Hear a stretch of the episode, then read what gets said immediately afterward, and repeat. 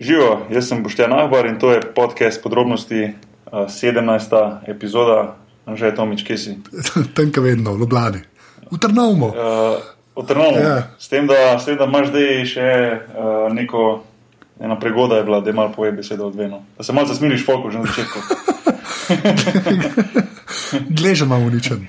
Realno, gleda, mislim, Ja. uničen. Ne vem, še, ne vem še točno, kaj je, ampak orang sem se ga zvil na basketu. Da, ja, slovo, res slovo. Tako da, Um, prej smo se pogovarjali, da je zdaj vse, kar hočem narediti, je tako odisejada. Tako da do, Ja. sem brez vode, klej in se mi ne daj tiskati. Ker, Vse boš, kaj polte še na WC, pritisne pomoč še na WC, tako da v bistvu ja. Nekaj, ki ga imaš gležen zviti, najboljš biti čist, čist primeru, pa neč delati. da. Sam mnogo del zrak, da, ne boš zdaj, se, da se ne boš po koncu tega podcasta zbudil z buklom na gležno. Mislim, zbudil pač. Videl buh- buhlo na gležnju, ja, opazil. noga ni videla tal, odkar se je gležen zvil. da. Um, neč, uh, danes smo 27. maja, um, gostovanje te oddaje danes sponzorira um, Timeless Spa um, blizu Ljubljane. Um, sicer um, to je en spa, ki ima zelo zanimivo, oziroma posebno, um, bi lahko rekel, temu terapijo oziroma sprostitev.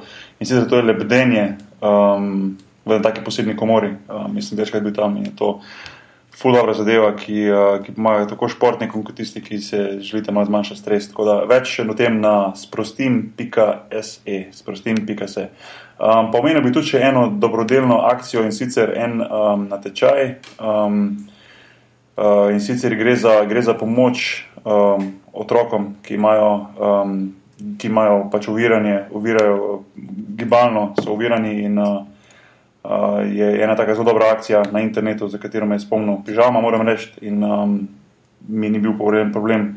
Reči, da bom seveda o tem povedal besedo ali pa dve. Um, gre pa za en projekt, uh, ki se imenuje nas, Ujem na smeh z gugalnice uh, in seveda pomaga gibalno oviranim otrokom. Um, um, Cilj te akcije pa je, da bi z čim več zbranimi fotografijami, kako se ljudje pač uživajo, smejijo na gugalnicah, potem zbrali um, lahko dovolj fotografij, um, mislim, da je tisoč, tisoč številka, in, in bi potem um, s tem, oziroma s to akcijo lahko podprli, da bi otroci, ki so gibalno ovirani, dobili uh, več gugalnic in več, uh, več rekel, igrač podobnih, s katerimi se lahko potem veselili in igrali. Tako da uh, foto na tečaj, pika na smeh, za gugalnice, pika si. Uh, več si pogledaj o tem, pa tudi jaz mislim, da bom dal svojo sliko gor. Anže ti pa svojim angližem bi zdaj fajn pasal, kako se gugaš na nekaj ganca, tako da pričakujem, da bo še eno sliko stisnil.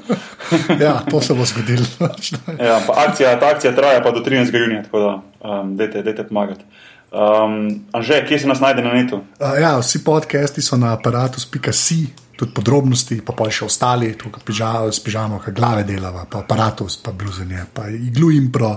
Pa zelo ta celo dva nova prišla enkrat, to vem, da vsakič rečem, ampak dejansko bosta prišla. Ja, ali že kaj več poveš o tem, ali še zmeri ne? Ja, ne, v bistvu lahko. Eden so No, v bistvu, dej. kaj, štiri punce, ki bojo o filmih govorile, tako enkrat na mesec. Pa to sem že, to sem, to sem že slišal nekaj. Ja, film flow. Ja, a to oni se bo zdaj pridružili me, mreži aparatov. Tako, tako. Fantastično. Ja, nad slavim. punce, punce dobrodošle, če poslušate. Uh, to, ja, to pa pa kva, kva še. A ja, pa na Facebooku smo to, jaz yes, spet sem se spomnil, tam posrčite aparatus.si, uh, pa Cool. kva še. Uh, aparatus mreže se lahko podpre. Ja, valjda, ja, še če greste na aparatus.si slash podpri, nas tam lahko podpreste, tako da kdorkoli kaj da, full hvala, ker vsak evro proprije. Da, ja. Hvala tudi, ja, hvala tudi za vse downloade, komentarje, ocene in tako naprej. Um, kot vedno z Anžetom smo full hvaležni, da nekako um, vidite oziroma upoštevate ta najn trud, pa da nekako smo vzpostavili z, z, z Folkom to neko komunikacijo. Se mi zdi, da imamo kar neko komunikacijo prek Twitterja, če ne drugače, pa da je kakšne zebancije, kakšne heca, pa kakšne komentarje na, na kjer stvar, ki smo se pogovarjali, tako da full zanimivo. No. Um, No, če edino to bi še rekel, zadnji podcast je bil mogoče malo bolj resen podcast, oponeljali z drugimi, ki smo veliko govorili o prvi svetovni vojni. Gost je bil magister Marko Štepec, uh, jaz sem se fulko naučil, Anžej, ti ja, si naslonik obnovil svoje znanje prve svetovne vojne. ja, na, naslonik so bile brzostrelke. ja. ja. Uh, tako da tisti, ki še niste poslušali, ste dobrodošli, da si dol potegnete še to epizodo. Uh, danes pa imamo uh, spet gosta, ki pa čisto iz enih drugih vod, uh, oziroma iz drugih, ki ima drugo kariero. Um, tokrat smo, smo prišli nazaj k glasbi. Um, in sicer z nami je Uroš Umek oziroma DJ Umek. Um, Anže, štarti zadevo.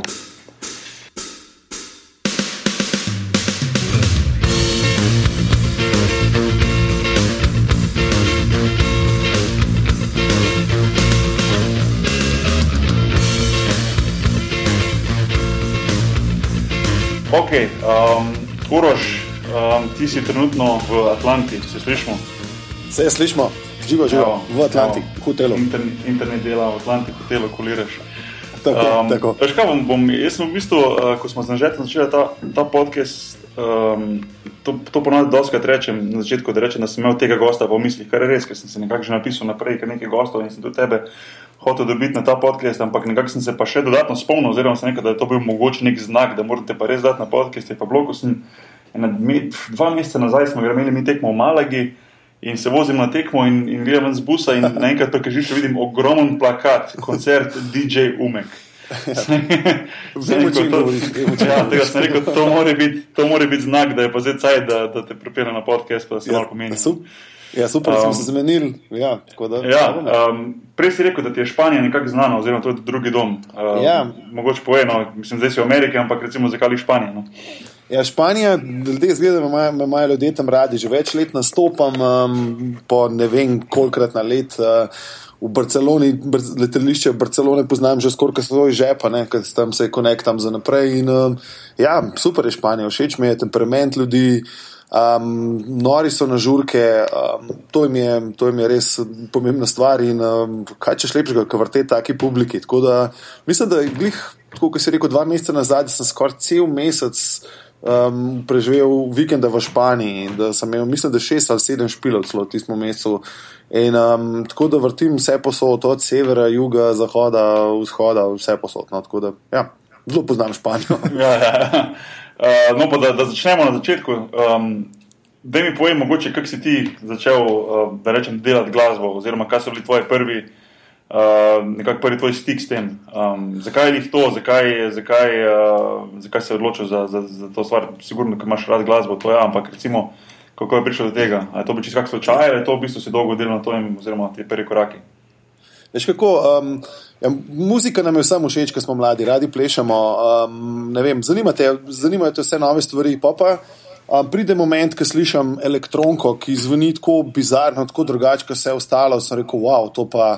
To pa je nekaj, nekaj kar meni res blazno, um, blazno not potegne, oziroma hočem, hočem vedeti, kaj se dogaja, hočem to muziko poslušati. Um, in pa je bil največji problem, da te glasbe v Sloveniji sploh ni bilo in nisem mogel priti do, do podatka, kje, kako, kaj, zakaj. Um, noč mi ni bilo jasno in um, sem iskal te, te komade, ne vem, um, po razne raznih teh CD izposojevalnicah, ki so bile še takrat zelo popularne. Um, nekako sem hodil vse te uh, piratske studije, kot so studio Spaka, bili takrat pa Kobra, ki so na, čr na črno snemali še te, uh, še čr na črno snemali muziko. In um, to je bilo blazno fajn. Jaz sem vas znar za malco, ki mi ga je mama dala za šolo, ne? v bistvu uporabil na, na teh kasetah. In, uh, in tako sem nekako dobil stik s to glasbo, da, da sem vsaj kakšno informacijo dobil, kje, kako. In, uh, in tako se je nekako začel. Potem sem pač postal DJ in uh, kasnejši producent, ker sem hotel vedeti, ti, kako se pa ta muzika dela. Ne? Ni bilo to tako, kot ostalo si imel kitaro, pa, pa bobne, pa si vedel, pa pač boš mogel pet tle ritem mašine, sampleri, kje se to dobi, kako, a to sploh doma pri nas. In uh, potem sem spoznal uh, v K4 uh, fante, ki so se s tem takrat že ukvarjali, uh, to so bili Random Logic, pa Analyze in so mi povedali, ti, uh, meni se zdi, da se pa to dela s tem. In tako smo imeli te informacije, bolj na tem, da meni se zdi, da to se dela s tem, kot pa karkoli resnega. In potem smo začeli eksperimentirati s stvarmi, kot so um, računalnik. a Ne, um, računalnik je bil za me takrat nedosegljiv cenovno in tudi vedno nisem sploh. Pf, Kaj to je dejansko? Ne? In sem imel pa dva kolega, ki pa sta bila programerja takrat. In um, sta rekla, ti prid pogledat, meni spet nama se zdi, da se to dela tako. In smo imeli tam en program, ki se je imenoval Screen Tracker. Imel je, bil je 8, 8 bitan, je bil Ja. um, zelo grozna kvaliteta, štiri kanale. In pa smo mi v bistvu te zvoke sampler, kar iz kaset dol in potem to sestavljali skupaj tedne in tedne, neke komade, ki niso zveneli nikakor. Ne? Ampak Če to je ta kdaj- kdaj je to bilo? raziskovanje. Kdaj je to bilo, recimo, kje letnica je to bila? No, tako da jaz Ja, malo, mislim, malo je bilo- si predstavljam. a veš, Mislim, da je bilo to to. kronološko, ja. Ja, 90, 91, 92, Aha, nekaj aha, tasga. aha. To je bilo glih takrat, mislim, da smo se glih osamosvojili, ali pa se slo še nismo. No. Mislim, mislim, da smo se, no. da, da se jaz sem bil, ja, lažem, lažem. Bilo je 91, 92, je mogel biti tam nekje. Um, um, ker sem bil star 15-16 let in takrat sem prvič v K4 ušel, ma, tako da mama ni vedela, tako da to sem pa že mogel biti star. Se, nismo, vsi, nismo vsi po svoje, fleko prej v K4, da, da mama ni vedela. Ja, Tudi jaz, ko nisem ja. ljubljančen, sem letel tja, tja Sam- že, že prerostel. Ja. V štirko se je ponovadi hodil za vikende, ne, veš, oziroma pač mi smo imeli pa te tehne večere, pa v torek, ne, kje te bo kdo v torek pustil zvečer. Ti povem, kako sem šel jaz. Um, rekel sem mami, da grem polnočen, si slučajno in me je nekako pustila. In uh, no, pa sem tam na teh ceveh sedel in poslušal glasbo. Bil sem sam v klubu, ker pač nisem sam v klubu. Nisem imel prijateljev, nisem nobenega poznal, od mojih frendov tudi noben tega ni poslušal. Takrat sem še basket treniral in sem mogel pol zjutraj uh, zjutraj, uh, domov pač prideti, ne v eni pač uri in potem se prav spomnim, ko sem mogel recimo laufati domov, samo zato, da sem lahko, da sem zdržal, mislim, da sem lahko pil 15 minut dal na, na, na, na tem večeru in sem potem šprintal iz, iz centra v Šiško. Na srečo sem imel kondicijo. ne. Um, sam je pa ti je 10 basket prav prišel. Ja, zelo, zelo v tistih časih. Če, če ne drugega, če ne drugega, zato se lahko iz kluba hitro domov laufa. Ja. Ja. Že Um, tako, no, vse tega, ta zgodba je dolga. Še veliko Ja, ja, ja, ja. No, ampak to so bili tisti prvi začetki. pa to. Um, ja, ja, ja. Je, k- ampak, okay, pa, pa, ki si začel, ki si rekel elektronka, ne? Kaj, Ja. kaj je to takrat pomenilo, pa pol, ki si se s tistim začel obadati? Veš, kaj se ga kle note res tok struj, ampak kva, kako je šlo pa to pri tebi? Pa se Ja. treba zdaj samo tako, veš, kaj si ti takrat slišal, pa kva se je pol to razvil, pa za kva si se ti odločil. Jaz sem, jaz sem se z elektroniko srečal v bistvu bolj s temi prvimi house stvarmi, ki so, pač, eh, ki so prišle v letih tam. Ne vem, 88, 89, 90, eh, pa so jih potem tudi na, na MTV-ju, na kakšnem partizonu zavrteli in, um, in pač sem tam snemal dol z enega kabla, sem to zvlekel do kasetarja in vse te stvari posnel. Um, no, pa pa v bistvu uh, to je šlo pa naprej v razne, razne podzvrsti. Uh, se glih, glih pri teh kolegih, ka, pri teh dveh kolegih, ki sta bila računalničarja, sta bila še tako, da sta zvezala satelit na radio in smo tam najdli neke, neke uh, satelitske kanale, kjer so imeli takrat oddajo, zdaj danes velika zvezda Karl Cox, tudi moj friend. Um, in smo takrat prvič poslušali različne stile. ne. Ta, ta radio je oddajal samo za vikend, mislim, da od petka 12 do povdne pa do nedele polnoči. In tam smo se usedali, in kar naenkrat je imel en DJ vdajo, in je imel takrat je predstavljal hardcore. In jaz sem prvi slišal hardcore, sem rekel, "O, moj bog, pa je to hardcore tehno. No. Ja. Potem so bili tam, en DJ je predstavljal breakbeat angliški, tiste pač early te zadeve. Uh, in sem spet, wow, kva je to. In smo skozi slišali neke stvari, ki so bile takrat tuno. Totalno vesoljske in kva je to. Mi smo spoznali samo te pač straight bite, kot je bil House, pa rečemo neke zametke tehna, um, pa te bolj komercialnih elektronskih zadev. Oni se vrteli pa totalno nek underground, odbite zadeve. No, mi smo mislili takrat, da je to underground, ne, to v Angliji je bilo to že precej razvit. In smo sam zjali z debelimi očmi in ušesa melkovni, sloni se nam je povečali in lovili vsak zvok noter. In to je bilo res nekaj posebnega takrat in smo snemali te kasete. In jaz recimo še danes. Še danes kupujem te plošče, ki sem jih takrat poslušal, ker fora v tem, da so vrteli promo plošče, nismo vedeli, kaj je. In zdaj v dobi interneta se počasi po to nabirajo te informacije na netu, na YouTubu objavijo in pa rečemo, wow, to je tako mati. Ne? Še zdaj recimo naročam iz te. Pač iz teh oddaj, pa iz te satelitske postaje naročam plošče in jih plačujem tudi po 100 evrov eno, ne, recimo, ker so to kredke v tem času. Mm -hmm. Tako da to ljubiteljstvo je še zmeraj tukaj in, uh, in, in ta zgodovina in del mene. Ne. Čak, se, okay, prej, si rekel, ra, da je sateliti pa radio, to sem takoj moral brati. Anže, Anže je full tehnološki tip, Ja. ja. da mora vse to Ja, saj, nulo. saj, saj to, saj to. Ja. Saj jaz nisem, sam sem imel na srečo kolege, ki so bili tako bolj od mene. ne. Ja, ampak ko- ne štekam, kako kva ste lovili pol to?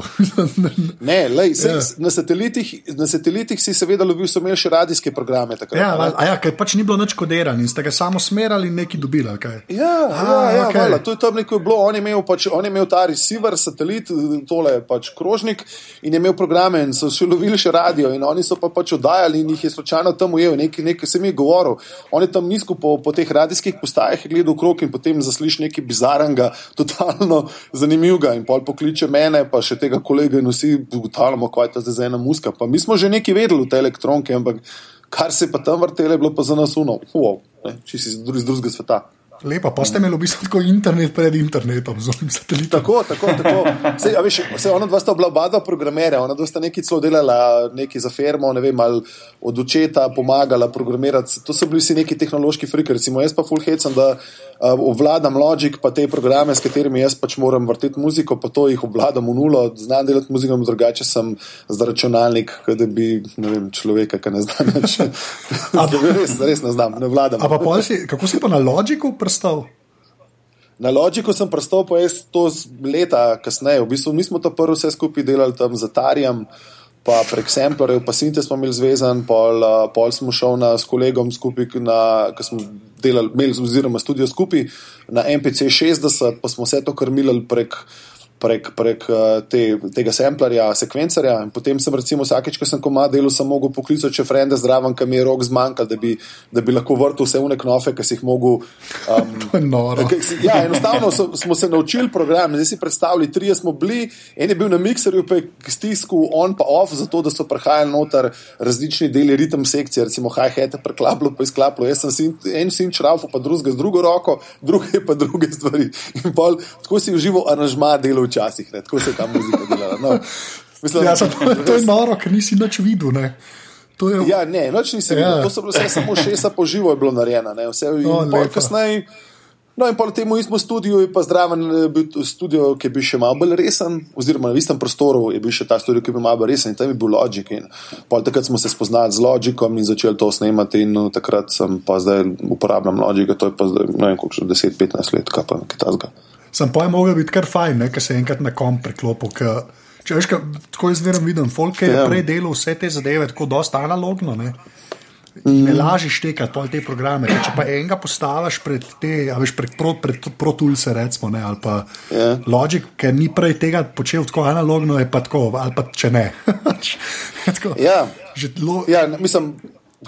Ja, hecanje, vala, dobiš neko, ne vem, čist, čist drugače dela muzika, drugo, drugačen občutek. Vse to je to spet ista vojna med analognim in digitalnim, katera je že v bistvu meni prav smešna, ampak jaz sem bil vešč v obeh smereh in ja, računalnik ti daje možnosti danes neverjetne. V bistvu, kako smo mi muziko delali, um, je hecam, kako se dela muzika zdaj. Pa recimo, pa mi pa sploh hecam, kam mi pa isto Turk, ne moj dolgoletni prijatelj povedal, oni so pa recimo te tepe, trakove skupaj rezali pa limali, da so, da so delali ražma in ki si jaz sploh ne znam predstavljati. Ne.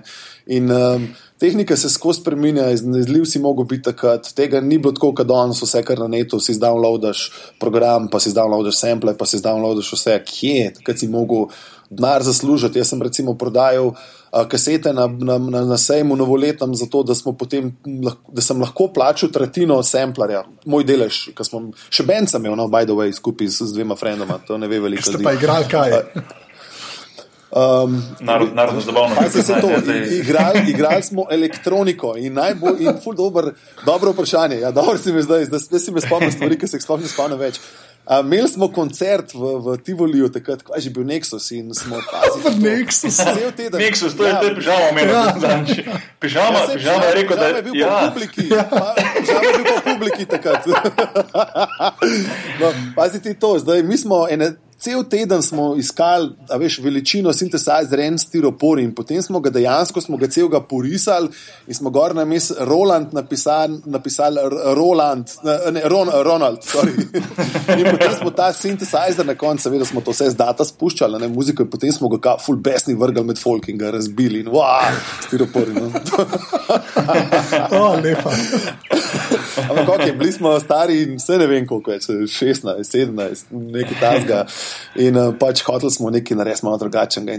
Mislim, da smo celo slišali, da je nekje mobi takrat. Ja, tako to je bilo. To je bilo. Mobi je v križem, kaj enkrat razbil en sint in to je bilo nam totalno fascinantno. In potem smo mi tega stiropora zgolj razbili. Tako pač ta pravga nismo hoteli razbijati. um, Anže, da bom jaz vprašal, kaj me zanima, Uroš? Um, recimo, kaj bi ja. ti opisal, opisal svojo glasbo? Recimo, če te sprašujem, recimo, kakšna je tvoja glasba, kaj je tvoja glasba? Kaj bi ti recimo eno opisal, ki mogoče tvoje glasbe recimo, ne pozna oziroma ne spremlja? Ja, sej, zato imamo izraz elektronska glasba. Um, jaz sploh ne vem, kako no, ampak, je to. Je to še kakšna podvrsta, je to mogoče, kak, imaš kakšen poseben ja. stil, ali je v bistvu ta beseda zajame pač to, kar, Mislim, um, kar ti počneš, oziroma to tvojo, to tvojo glasbo? Ja, američani pravijo, da, da vrtim tehno. Jaz se več ne strinjam s tem, sem ga vsa ta leta, pa imam še zmeraj elemente muzike. Noter, um, od teh nam bo pisal, jaz sem zdaj že nekaj časa, bi rekel, tech house DJ, ampak spet ne čist tipičen. Sem te zdaj gremo v te detajle, katerih poslušalci um, verjetno jih ne bi zanimali. Tako da ja, sem tech house DJ z vplivi tehna, bi rekel. Ja, ampak kako je pa to važno? Mislim, veš, te, meni se zdi, da pri elektroniki je več te žanri, če sploh jim tako lahko rečeš, se to ja. spremenja. Kako je pa to važno, tako kot greš ti na nastope? Veš, ka, če oni hočejo pač določeno publiko privabiti, te zaradi tega še zmeraj polke od tehno mečejo. Ali... Ja. Mislim, jaz bom zmeraj imel ta predznak tehna, po, pač tega se ne bom nikoli znebil, ker sem pač to toliko let delal in promoviral svoj ime in brand potem. In v bistvu Vse prav tako, ker to je del mene, pa tudi mislim, da se odraža vse v moje glasbi. Čeprav ne vem, v ta zadnjih posnetkih mogoče tega ni slišati, ampak mislim, da je to del mene in da pač ko je. Ljudje pa jasno. Um, pod, podzvrsti so ratale zato, da ljudje v bistvu vejo, kaj predstavljaš, kakšen zvok in da vejo, kaj pričakovati. In v bistvu to je nek biznis kart tvoj. Ne, no, se bistvu, to je. Ja. Ja. -hmm. Tako kot moja glasba, jaz moja glasba, ki jo naredim, vidim samo še kot uh, biznis kartico. Ne, in, in da pač ljudje vidijo, kaj jaz delam, približno kaj lahko pričakujejo na mojih špilih. In to so te podzvrsti in zakaj so tako važne. Mm -hmm. Okay. Je pač tako, ker ne vem, kaj je bil rok, pa pač vse te metal, pa pol vidiš, kako se je ta metal na ston različnih stvari raz, razčlen na det, pa ne vem, kaj še vse imajo, ki jih jaz ne ločam. Absolutno, ne, tako tudi verjetno nek metalc ne bo ločil teh naših. Teh avtorskih, od tehna, pa od, od Hausa, pa tako naprej. Ja, zdaj, to je še punk, no. se vprašaš, pa je tam res 37 različnih. No.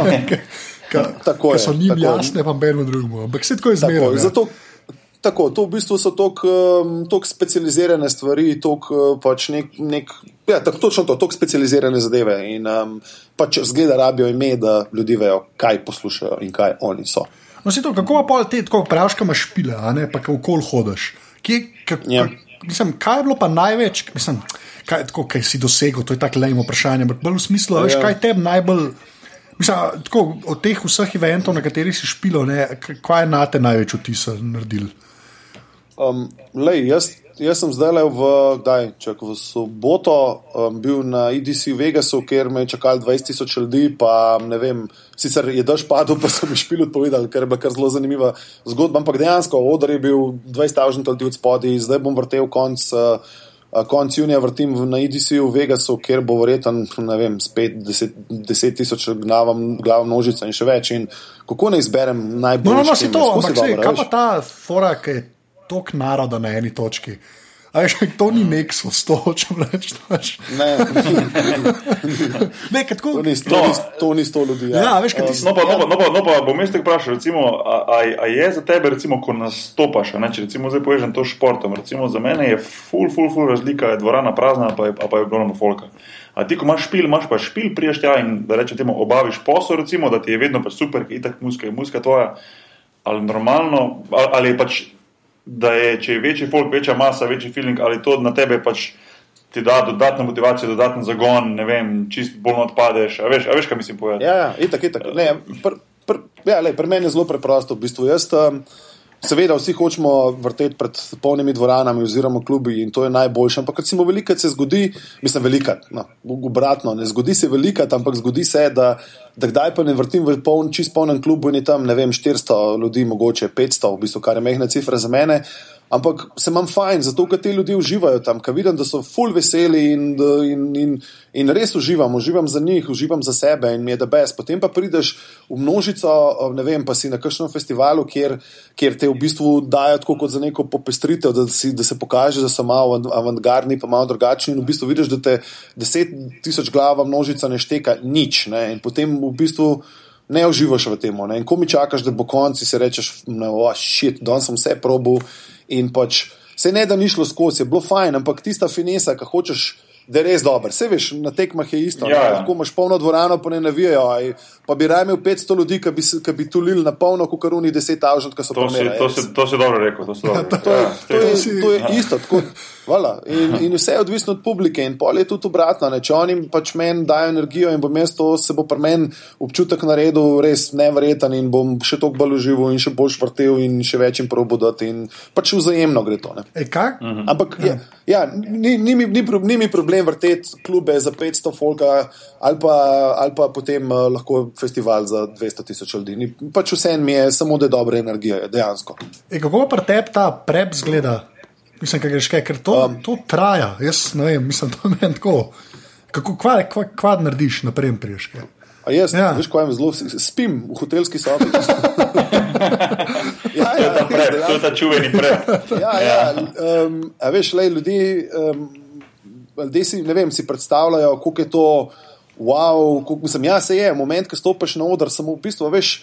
To, to je pač del tebe, jaz to počnem 20 let, zdaj profesionalno. Ok, toliko velikih odrov, toliko velikih odrov gledam zadnjih eh, 10 let, ampak še zmeraj pač to rata del tebe. In ne vem, je pri pr meni, jaz ne vem, raj gledam tekmo kakšno na, na, na, na, na televiziji oziroma na kompjuterju in um, grem potem lepo.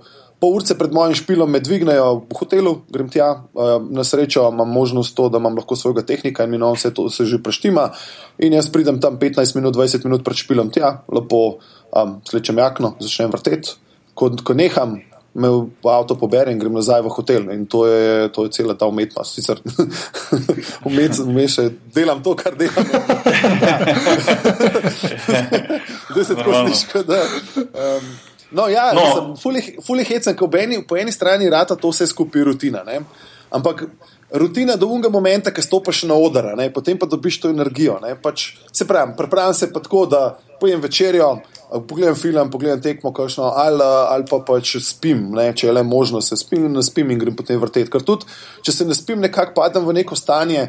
Neke koncentracije dobre, tako ne Fajn se mi zdi, da je ful dobro takrat vrtim, da sem pozoren in da, da, da izbor, kaj da možgani bolj delajo. No. Vse nekaj verjetno je na tem. Ne. No, zdaj, zdaj, ko si omenil spanje, pa to, uh, a si kdaj mogoče zamudil za spav, nekako na kak koncert, da, je, da si bil uno, da Ja. se zbudiš, fakt, oh, pikolino, pred eno uro mogel biti tam. Lej, ta, ta, vikend je, ta, vikend, ta vikend, zdaj, kam, glih, zdaj ta vikend, ki je bil, bil zelo zanimiv, od te, tega naliva, ki so odpovedali, oziroma sem mogel nehati vrteti na tem festivalu, do tega, da sem bil že na hotelu, v, ne, v, na letališču v New Yorku in um, se hočem čekirati. In Sem videl, da sem pozabil naranco, pa pasport v hotelu. No. In sem se mogel vrniti nazaj, tako da je, sem avion zamudil. Ja, tako da se mi je zgodil vse živo. Enkrat se mi je pa tudi zgodilo, da sem zaspal na avion, recimo, seveda. Ampak še bolj se mi pa zdi fascinantna zgodba to, da sem prišel na letališče en dan prej. to je boljša zgodba. Ne? Prideš tja, pač, pridem tja in hočem imeti na avion. In uh, pač prav, uh, gospodična Adrija Airways, ja, uh, ura ste pa prehiter za en dan. ja, no, tako da vidiš, da se vse v življenju zgodi. Sicer, Še dobro, da, to še dobro si bil blind, da nisi bil kakšni kaki Džakartiki ali pa kaj. razumeš. No, pa sej, sej se mi, veš, kaj se mi že vse na avion, oziroma na, na poti na letališče zgodilo, počenih gum, zamujene gužve, vse sem že vse živo in smo zamudili in potem avione zamenjali. Le vse se ti zgodi v vseh teh letih. To, to, E, kje, kje, pa, kje pa špinaš ti vse, prej ko si rekel Španija, pa zdaj, ko si v Ameriki? Tako, mislim, a, a si kje ve, ok, v Španiji očitno ful, ne, ampak a si še kje tako, Ja. da si več? Ali, Ne, sej, samo v bistvu, ej, a- a naj vprašam, Jaz sem vprašal, kje si Ja. najbolj priljubljen? No? Evo, tak recimo, zdaj ko jih to govoriš. Kje so tiste države, tako je že hotel reči, ne? kje si največ recimo? Um, mislim, zdaj ogromno časa preživim v Ameriki, tam je štiri mesece na leto, sem v Ameriki uh, po turnejah, tako da imam tri do štiri turn- turneje na, na, na leto. Ostalo vrtim pa po Evropi, pa pač seveda skočim v Azijo. Sem, tako da v bistvu mislim, da, da sem priljubljen kar po celem svetu, da je to kar nekako. Pri meni, uh, mislim, a, ok, pustimo te res velike mega zvezde, ampak recimo DJ mojega kova ima tako dosti nekih teritorijev, jaz pa kar, um, kar vrtim, kar, kar veliko, no, kar vse posod. In uh, blazno mi všeč, da sem tle v Ameriki, ker um, ja, se scena razvija neverjetno, je, je velike festivale, klube imajo in mi všeč, da sem tukaj prisoten in mi tudi všeč, da me imajo ljudje tle radi. Da, ja. A- Amerika ti je všeč na splošno, način življenja, folk, hrana in tako naprej. Mislim, je, je, to plac, je to mesto, kjer bi lahko v bistvu živel? eh, Ne, tudi, ne, ali ne. ne, ne. Ne, živel ne bi v Ameriki, se tudi nikjer drugje po Evropi ne bi, ker sem še zmeraj v Ljubljani. Ker če bi imel željo kje drugje živeti, bi šel drugam. V bistvu Mhm. Ljubljana meni daje neko obdobje, neko sigurnost, pa ta dom. V bistvu sem zelo navezan na, na Slovenijo. Um, um, in Amerika, rabo sem nekaj časa, da sem sploh se uživel v vlogo. Pač, mislim, ne vlogo, da, se že, da, da sem se uživel v ljudi, v način, kako oni tukaj govorijo, koliko velik stvari obljubljajo, koliko je vse full nice, koliko je vse gor dol. V bistvu je tako zelo površinsko. Um, in uh, moram reči, da sem rabu, mislim, neverjetno prijazni ljudje. Ta prvi kontakt je, vsi se hoče s tabo pogovarjati, vsi so tvoji best friendi. In sem sploh mogel na začetku ugotoviti, kdo resno misli, kdo kaj, vsi te bodo povabili, bomo šli sem, bomo tja. In v bistvu, dokler sem zagotovil, da v glavnem vsi nakladajo, je, je minilo en let. Mislim, ja, pač to je njihov ja, ja. način, se jaz ne zameram. Na začetku mi je bilo čudno, no, oni samo pač ko je. Recimo mi, sej, recimo mi Slovenci smo pa zaprti, pa glih obratno se pa z nobenim nočemo rokovati, pa pogovarjati, ne, kar je pa tudi malo uvirtne, ker srečeš koga, pa komi da daš komu roko, oziroma so ljudje taki in so v bistvu zaprti vase, tako da američani verjetno na ta način razmišljajo pa v nas ne, in nič slabega, to je pač njihova kultura, tako oni so vzgojeni in nič slabega, samo pač. Ker ti v Sloveniji nekdo naredi tako elkam, kot ti ga naredijo oni, pač to, mislim, misliš, da je tvoj best friend, ne, v bistvu. Ne, in pol dobiš nek hladen tuš, ko gotoviš, da je bilo pač to uljudnostno, ne, nekako v tem stilu. Ne. In sem rabu se to navadil, da čim tudi hrana je, moram reči, da imamo mi stokrat boljšo. Pa ne zato, ker sem navaden, ampak se jo pač imam to srečo, da jem hrano po celem svetu, vidim, ki je kvalitetna in američan. Za kvalitetno hrano v Ameriki moraš odšteti velike, velike dolarje, za moje pojme. Ja, ne, se strinjam. Ja. Um, ampak, no, se pravi, mi je pa všeč, všeč mi je pa spet tukaj glede za to, zaradi njihove odprtosti so ljudje prijazni v klubih, žurajo ga, veliko dajo na zabavo in to je moja panoga in kako mi pa tle ne bi bilo všeč. ja, Kakšna je pa kaj razlika med Evropo in Ameriko, tako, kar se pač špilo tiče? Poleg tega, da te, ok, očitno so vsi dobrovoljčki. ja, ja. Ne, je, je, razlika. Je, je razlika predvsem to, da je v Evropi ta scena že dosta stara in so vsi tukaj, kot mi temu pravimo, v Evropi neki znalci. Američani, pa ne glede na to, da so bili oni tudi pač upleteni v začetku elektronike, v bistvu to, ta val, ta velik val je zdaj par let star, so vsi taki. Um, Eh, znanja, željni, vsi hočejo srkavo informacije. Tako, kako bi rekel, na pol neki fanatični, ampak američani so itak taki za vse, ne, vse, boki ve, za košarko, za, za vse, v bistvu njim to mm. dogaja ne, na, na nek drug način. Na, na evropejcem imamo vse tako, kot kul, cool, mi to znamo, mi to živimo. tako da, predvsem bi to rekel, da Evropa je malenkost bolj underground, malo bolj izobražena, kar se tiče elektronske scene, Amerika se pa še uči, kar ne pomeni, da, da, da tle ni fajn ali pa karkoli, samo pač malenkost so od zadaj in zdaj nas bodo ujeli in bomo šli skupaj naprej. Kje ti je mesto najbolj všeč v Ameriki? Az, ja, ja, ja. Kot mesto, recimo, ne, Vegas, Ameri... pa je to menilo, ti je Vegas kul. Cool. Uh, ja, Vegas mi je všeč, ampak v Vegasu sem rad 3-4 dni, pol pa mi gre pa blazno na etra. Ker, uh, ker um, enostavno to je bliž, ne? to je v bistvu nek en velik kič, v katerem res uživaš. Pač, če ga žuraš, jaz ga žuram, ne, ne. In tle imamo problem. In potem greš malo v igralence, dan, dva, pa, pa ti že malo zopa na rata, ne, pa greš mm. se kopati na bazen, pa vse te stvari in potem. Um, ne vem, mislim pa, če si itak vsa ta mesta doživljam tako kot neke hotelske izkušnje, vse skupaj. Kle so to videla, poistovetla. Ja, ja, jaz, smo, in, smo, smo, smo že prej začeli snemati, smo imeli minuto časa, da smo rekli, da ja, je to, to je to, ne, to je to. Hoteli pa to. Hoteli, hoteli, hoteli, hoteli, letališče in hoteli in klubi. No, v bistvu ne moreš razviti nekega pristnega odnosa. Imel sem priložnost sicer biti v L.A. lansko leto, malo do časa sem si najel hišo, sem bil tam mesec pa pol. Moram reči, da mi je L.A. bil potem zelo všeč, ker prej, ko sem hodil, sem bil samo po hotelih, mi je bil blazno brez veze, ker si rabo imeti avto za vse, da si se kamorkoli premaknil. Kaj pa gužva v L.A.? Gužva je groza, vse, vse pravi, groza, ja. katastrofa. Um, mm -hmm. Dobro, L.A. mi je bilo všeč, vse sem šel, po, sem šel na tekmo Lakersov, sem šel pogledati že tako Peter. Ja, pač, seveda, če hočeš, imaš tam za početi, suši, ja, ja, ja. suši, suši, barov, milijon. To je, ampak vse je bilo tako, vse daleč, kamor kamor si šel. In, no, srečo so bila z mojim um, um tour managerjem, sem imela hišo, avto in so si potem imeli res lepo pogledali in moram reči, da je bilo kar lušten. Drugač pa leta in leta se redno vračam v Miami, Miami mi všeč. Um, Predvsem, ker je ta turistična točka z pač, dobrimi žuri, jaz vrtim tam zmeraj na tem Ultra Music Festivalu, ki je največji festival na svetu in se imam fajn in nekako združim počitnice z mojim delom, z dobrimi žurkami, ki so tam, ki jih doživim prav prek tega. Um, shopping v Ameriki je tako super shopping, da ne moremo več reči. In vse ostale stvari. Tako da ja, pa New York. No. Se pravi, meni bi New York, Miami. LA, Vegas. To so placi, v bistvu, katere pač za moje pojme doživiš kot, kot neko Ameriko. Čeprav spet ja. drugi ti bodo rekli, ne, to ni ta prava Amerika, to je turistična. Ne. Ja, je pa, je pa Vsak ima svoje. Je pa ni, no, mislim, ja, vsaj, škaj, vsak štiri meseca so, tako si jih imenil, so po, vsak, po, po svoje, so, so si feste različne. Ne, Mhm, mm. Ni Ja, ja, to da bi rekel všeč. 400 mest, ampak so vsak, vsak Ne, je drugačen saj in to je ta raznolikost, ja, ki, je, ki Tako. je zanimiva. No. Ja, ja. Tako. In meni, meni je to všeč, jaz grem rad v neke stvari, ki v bistvu so čisto drugačne. Se pravi, Vegas je cel v lučkah, tako mi je Tokio nevreten zaradi zarad kulture, pa zaradi tega, ker je cel v neonu, mislim, oziroma vseh- se svet tok, da ne moreš verjeti.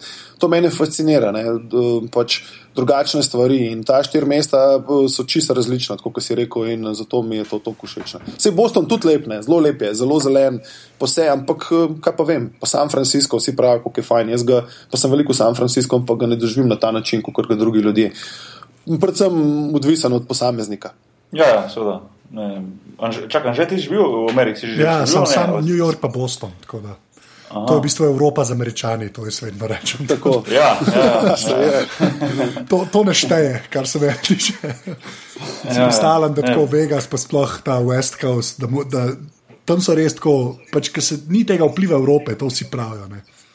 Ker Ta, Ja, je, ima- je, drugače, se pozna, da, je, Ja. da so malo bolj neodvisni od tega. No. Mislim, New York je sploh težko vršiti v isti koš kot Amerika, ker to je čisto iz nekaj drugač- drugega. No.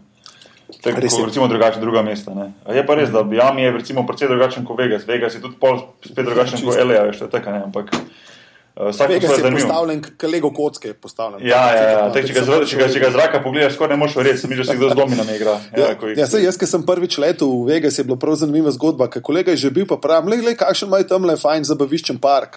prav, to je Vegas.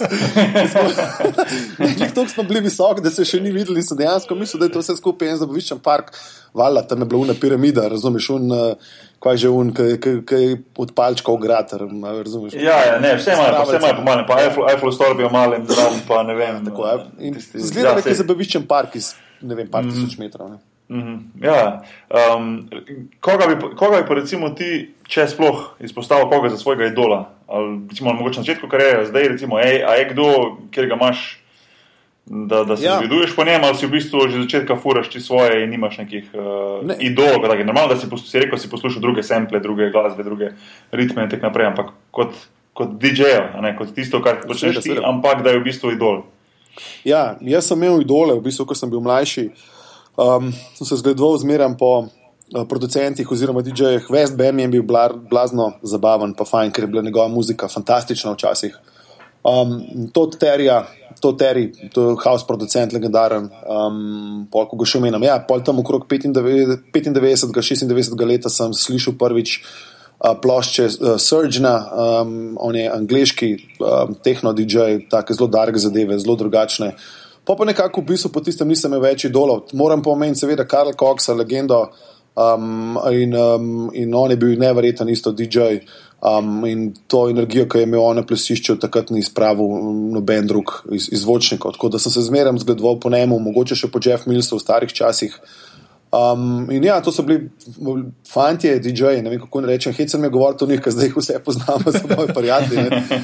Ampak ja, to so bili um, pač moji idoli, takrat za me neulovljivi. Jaz sem hodil na te žurke, kjer so oni vrteli v Nemčiji, kamor smo se mi vozili tudi po tisoč km in, in več, ne, da, jih, da jih vidimo in sem bil spodaj um, na teh uh, pač po, pod odrom in sem jih poslušal in so bili za me bogovi. No, tako kasneje, pa pol so začeli vrteti mojo glasbo, pa sem vrtel z njimi in rad so tudi njihov pariator, no, tako je bilo hecan v bistvu.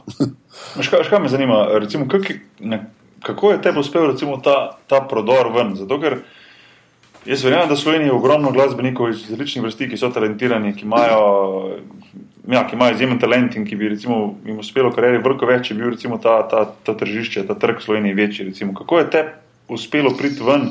Ker ne vem, da popravim, če, če se motim, ampak ne vem, če je še kjer slovenski glasbenik, da mi je uspelo v tujini nastopati pred takim množicem ljudmi, pa to, v bistvu narediti koncerto potovanj, kot ko pa ti recimo. A je to Imam- kak recept, imaš to ja. na svet, mogoče za katerega od teh, eh, ok, je specifično mogoče, ker ti si le DJ, ampak, Ja. ampak vseeno, no. Mislim, mi imamo v Sloveniji veliko na- nadarjenih glasbenikov, ampak jaz, moje mnenje je predvsem, da jih vse ovira slovenski jezik. To je, to je velik problem. In, um, problem je to, da enostavno, če bi se hoteli te bendi uveljaviti, bi mogli pevci iz Švedske v Ameriko oziroma Anglijo za pet let, da bi se naučili, da, bi, da se ne bi slišali tok eh, tega naglasa uh, slovenskega, ki potem vse blazno zmot. Um, no, to, kar, to je moje mnenje, za kar se tiče slovenskih no, ostalih, ostalih mm -hmm. zadev. Um, Pri meni je bilo pa preprosto. Jaz sem delal muziko, jaz sem fanatično preživel po 16 ur v studiu. Nisem bil na dopustu, mislim, da sedem let takrat v tistih časih. Um, in sem delal, delal, delal, delal, delal, delal, delal verjel, da mi bo to uspelo, nikoli nisem niti podvomil to. In to traja leta in leta. Imel sem že več kot 30 plošč od zunaj, takrat singlov na vinilih in me še zmer niso povohali. Um, imel sem pa srečo, da sem takrat vsem veliko vrtel po Sloveniji, pa po bivši jugi in sem si kilometrino pač. Kilometrino imel in ko sem šel, jaz recimo prvič v Nemčijo, pa Anglijo vrteti, jaz nisem imel nobene treme. Ne, sem pač obvladal svoj posel in zakaj bi človek sploh imel tremo. In sem prišel hladno karno odvrtel, to je super zvenelo, in potem so se začeli za me zanimati različni agenti, um, so se v bistvu prav tepali, ne, na zadnje za mene. In um, pojetle ta pot, kar je. Ne. Mislim pa, da sem bi bil še dosti bolj znan, pa dosti večji ime, če bi bil iz kakšne druge države in bi imel podpor malo več kot samo dveh milijonov ljudi, ne. oziroma mm. pač te domače publike, domač, yeah. Ja. domači fenomen. Če bi bil rojen v Nemčiji, pa bi bil uspešen, kot sem zdaj, bi bo, mislim, da bi bil še bolj prepoznaven. E, kaj, kaj pa si umek v tujini, kaj, kaj, kaj vse si že bil? Kot ki probejo izgovoriti umek. Pač. A vejo, da si umek? Kaj sem? ja, je... ja, v glavnem sem jum, jum. Ja, umek. ja, tako kot američani. Čeprav se zdaj že marsikdo ve, da sem umek in to, to ampak pač marsikdo me pa jumek, jumek. Unka prvič reče, bo tako rekel, sej, le jaz imam isto, ja, radijsko oddajo, tedensko in potem vsa španska imena dobivam tja, ki jih ne znam niti izgovoriti. Veš, kako smešen, verjeten zvenim jaz, ki sem slovenci, probam po špansko ki hočem po, ang, uh, po angliži uh, špansko ime. yeah. Sam nič, nič ni hujše, kot pa če ti je ime že, ker pote tujci, tujci kličejo Angie. No, no, le. Zdaj tu. Dobro, ja, jaz sem tu zdaj tek, pač z američani delam podcaste. Ne. Ja, je tudi ta Anže, to je vsak me sam, to, to razlagam. To je ponovadi prvih pet minut pogovora, je. pač da jih noči. Ja, že reč. Se vidiš, kako je, se gledaš lahko tekme hokeja ali pa basketa, pa slišiš, kaj se izgovarja. Ne? Nekaj ja, podobnega je bilo pri meni. Ja, jaz sem zdaj v, v Španiji, sem, sem najboljši. Načo, ja, se kaj. Ampak dober. To je najboljši nickname, da zdaj. Zakon, načo, na zakon. Kaj pa če? Ja, se, poenostaviš se zlomijo. Se se zlomijo pred tvoj sploh po španski. Ime, ime, je to. To je zelo. Še en notar si takoj, kot si na harmoniji, bojo moj. Ni šans. Ej, čak, pa to, kar si rekel za oddajo, da še malo to povej, kako, kako je pa to rad. Jaz sem, jaz sem tako, jaz sem pač itak, če gledaš uh, slovenski iTunes store, ne, uh, uh -huh. pa sploh pač ta podcast razdelek, ne, si ti uh -huh. konstantno tam. A, a sem, ja. No, vsi so mi povedali, samo jaz. Ne gledaš, ne. ja. Ne, sem res, kako se je to začelo sploh? Mislim, kaj, kaj... Um, Ja, noč, mi smo rekli, da pač moramo imeti svojo oddajo. Zdaj smo v bistvu dva podcasta. No. Enega imam 16.05, ker uh, pač uh, vrtimo mikse uh, naših, oziroma uh, mojih prijateljev, pa teh DJ-jev, ki so na moji založbi, ker imam tudi založbo 16.05 in potem imam oddajo, ki se imenuje Behind the Iron Curtain. Um, ker jaz v bistvu bolj napovedujem komade kot kaj drugega, ampak imamo tako oran, ki izdelane špice, oran, ko daja, imamo rubrike, um, pa smo prisotni na, mislim, da zdaj že več kot 170 radijskih postajah po svetu. Um, pa ja, mislim, pač meni to pisarna pove, da smo na iTunesih visoko tiramo, pa tudi vse posod druge je vdaja zelo poslušana. Um, pa bil sem tudi le v Ameriki na Sirius XM, se mi zdi, da se je imenoval, to je bil največji satelitski radio. Tako da imam zelo, zelo, mislim, cel svet v glavnem, kar orang pokriti in je kar dosti poslušano vdaja. Ej, Sirius XM je za mene najboljša iznajdba v zgodovini radia, res. Radio no, na rekvaj. To je pa no, taka dobra stvar. Tam, To je ja. pa tako dobro stvar. Anže, ti poznaš ja, vem, Sirius XM? No, jaz sem bil tam eno leto, to pa svoj, oziroma podcast o svojem, oziroma dajo svojo gor. To je pa res full, full dobra zadeva. Meni, jaz, ko sem že v Ameriki, sem imel avto to in to je, ja, ja. to je tako veliko commercial free, v glavnem skozi vse imaš, ne vem, 160 kanalov, vsak kanal je svoje zvrst, 24 na dan furajo muziko, mislim, imaš od zvrsti do ne vem, pa imaš 50, 60, 70, 80, veš, mislim, to je. Za vse, ne. Ja. To, to pogrešamo v Evropi, oziroma ne vem, Anžeja, ja, če še sploh obstaja pri nas. Ne, se tam bo šlo tudi pogobe počasbe. A res, ja. a ne gre, okay. ja, ne, pa še tam je ta problem, da ta Sirius XM, kot res vem, to je v bistvu data connection prek satelita in je pač full ja. shock connection. Ja, take. če, si to, če si tunelo, če si tunelo rado zmanjka, Ne, to recimo, itak ne, ne, pa veš, bolj je to, um, ker pol muska, to mogoče umek bolj vedo, ne. Gre tako res nek, kot full skompresirane MP3. Ne. A ja, sfer, Ja, in no, začne no, cufati. Ja, in je tako, ka, mislim, folka musko dela, nima full rad. Uh, mislim, rad, ki Ne, posluša. Kaj ideja, kaj ideja je pa vrhunska. No. Ne, Mislim, saj huda, v smislu, ja, mislim, huda da se voziš, voziš se v avto, pa lahko imaš radio tudi doma. Čeprav sem imel tak en radio doma, ampak moraš imeti pa kabel pri oknu, da v bistvu loviš pol dola, veš, iz satelita. Ja, valjda. ampak vseeno, no, hočem reči, da v bistvu. Ja, da hočeš, ne vem, po danes, zdaj bi 800 poslušal, bom, sam klikneš, imaš ta boljši hit iz 80, zdaj bi pa poslušal, Ja. ne vem, Nirvana, pol Pearl Jam je imel svoj, koma, mislim, svoj kanal, recimo, ne, pol, ne vem, house muzika, mislim. Sam, do, sam in- in- imaš to tudi na, na računalniku. Ja, se to je, to je, to je ta problem, po mojem, tega satelitskega radia, ki ga je zdaj v bistvu internet, ga je v bistvu ga bo Ja, ne, pa na če- netu, če ga na netu pošiljamo. ali pa veš 3G, pa zdaj kaj je še 4G, ta LTE, ne. Mm, so pač toliko boljši mm. konekšni, da lahko dobiš proper musko čez, ne. Ne, ni, Jaz si- tam si pa res full omejen, zdaj ne vem na pamet, res je full omejen bandwidth je tam. No, pač. No, to, to nisem vedel. Je, je pa tudi res, da je veliko teh uh, pogovornih oddaj gor. No. Ja. Tudi podcasti Ja. ja. imajo gor. To, to, to je dobro zdaj. No. Ja, vem, vem pa, da imajo veliko poslušalcev. No. Vem, da je Ja. ogromno, so to milijonske cifre, ki jih oni tam obvladujejo. Ja, ja, tako da, v avtu je tako full mal daš, da ti dajo to zraven. Ne. tako, Ja, tako. ful je pod, za Amerik, mislim, tam itek dobiš itek vse dozo poceni. Ja, jaz se ne spomnim, koliko je bila naročnina, ampak pff, zelo na pamet rekel, mogoče- mogoče 9 dolarjev na mesec. Ja, tako neka, 19, 19, neka- 9, 9, ne, 19, prej nekaj 9, takega. ja. Ja. Uh, pa Howard Stern je bil, je bil gor, je imel, Ja.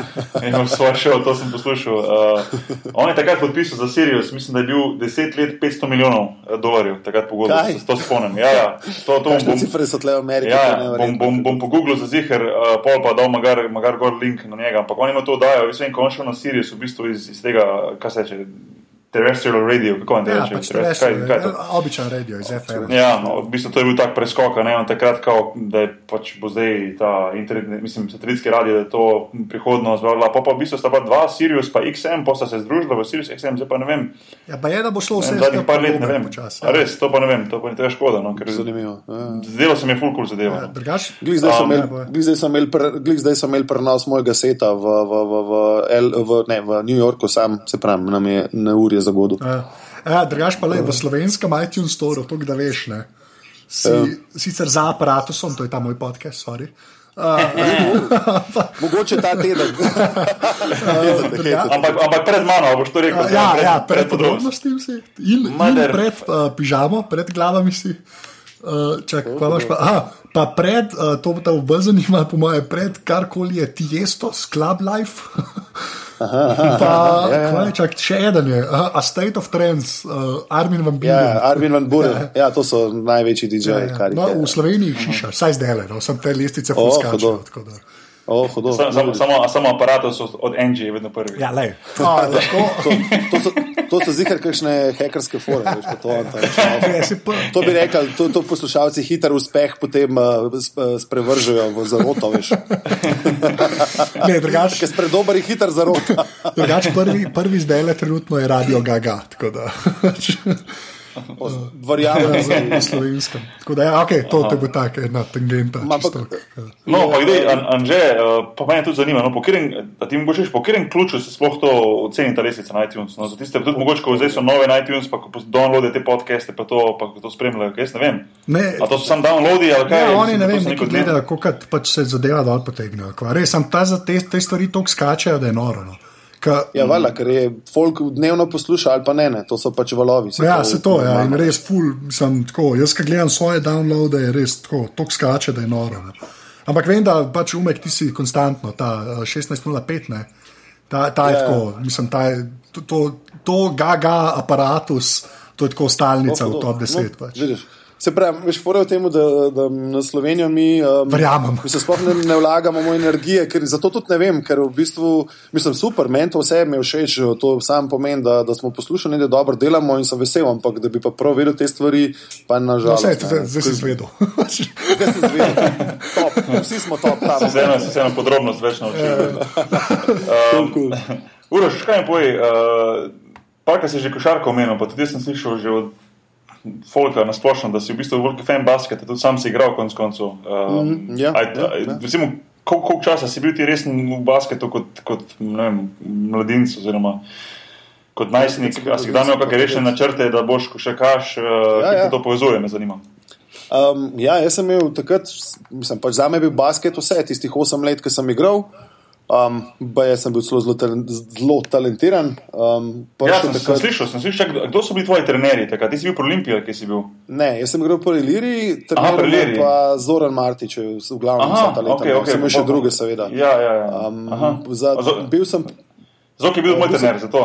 A res? Ja, moji reprezentanci, mladi. Ja, da, ja, Zok, no, Zok je bil res za me res človek. Uh, moram reči, da je, sem pač ko bil neka figura v življenju kot trener, ki bi bil res kul. Cool um, sem bil vesel, da, da sem pač igral košarko pod njegovo taktirko. In, uh, in se mi vežejo lepi spomini, veliko sanjam basket in vse ostale stvari. Res, res. Um, um, ja, uspel mi je takrat. Um, Uh, prideti, mislim, do izbora reprezentance. Mislim, da sem bil celo na pripravah parkrat uh, z reprezentanco, sam nekaj tekem, pa ne vem, sem jih kaj igral ali ne, to se pa ne spomnim. Sem pa na Facebooku objavil, um, ko sem najdel ta dokument. Takrat mi je bilo to sicer zelo hecen govor, da ja, bil sem v reprezentanci mladinski oziroma kadetski. Um, um, ampak ja, sem najdel pol. Um, papir, kjer smo napisani gor za zbor reprezentance, jaz, uh, Rašo Nesterovič, Marko Milič, pa kdo še bil, uh, mislim, da je bil Šporar, Miloš, tako če ne. Ja, ja, 76 letnika, ne? 76 letnika, ja. ja lepa druščina, ja. Te. Tako, tako. No, in pol sem in v bistvu pol pa. Zoki, če se ne motim, je takrat šel v olimpijski komitej ali nekaj tasga, lahko da sem zdaj totalno bučo zavalil, ampak pa šel iz Ilirije stran in uh, moram reči, da potem v tistem enem letu, ko sem igral košarko v Najliri, pa je bilo sicer kar dobro leto, dobro poprečje, pa, pa če veliko sem igral. Um, ampak zaradi stvari, ki so se tam v klubu dogajale, sem zgubil ljubezen do košarka. V enem letu mi je to dol padlo, da sem samo prišel enkrat na trening in rekel, ne bo me več. No. Pol sem takrat vsi živi možni trenerji z Liri, klisači, če sem normalen, če sem jih zmešal.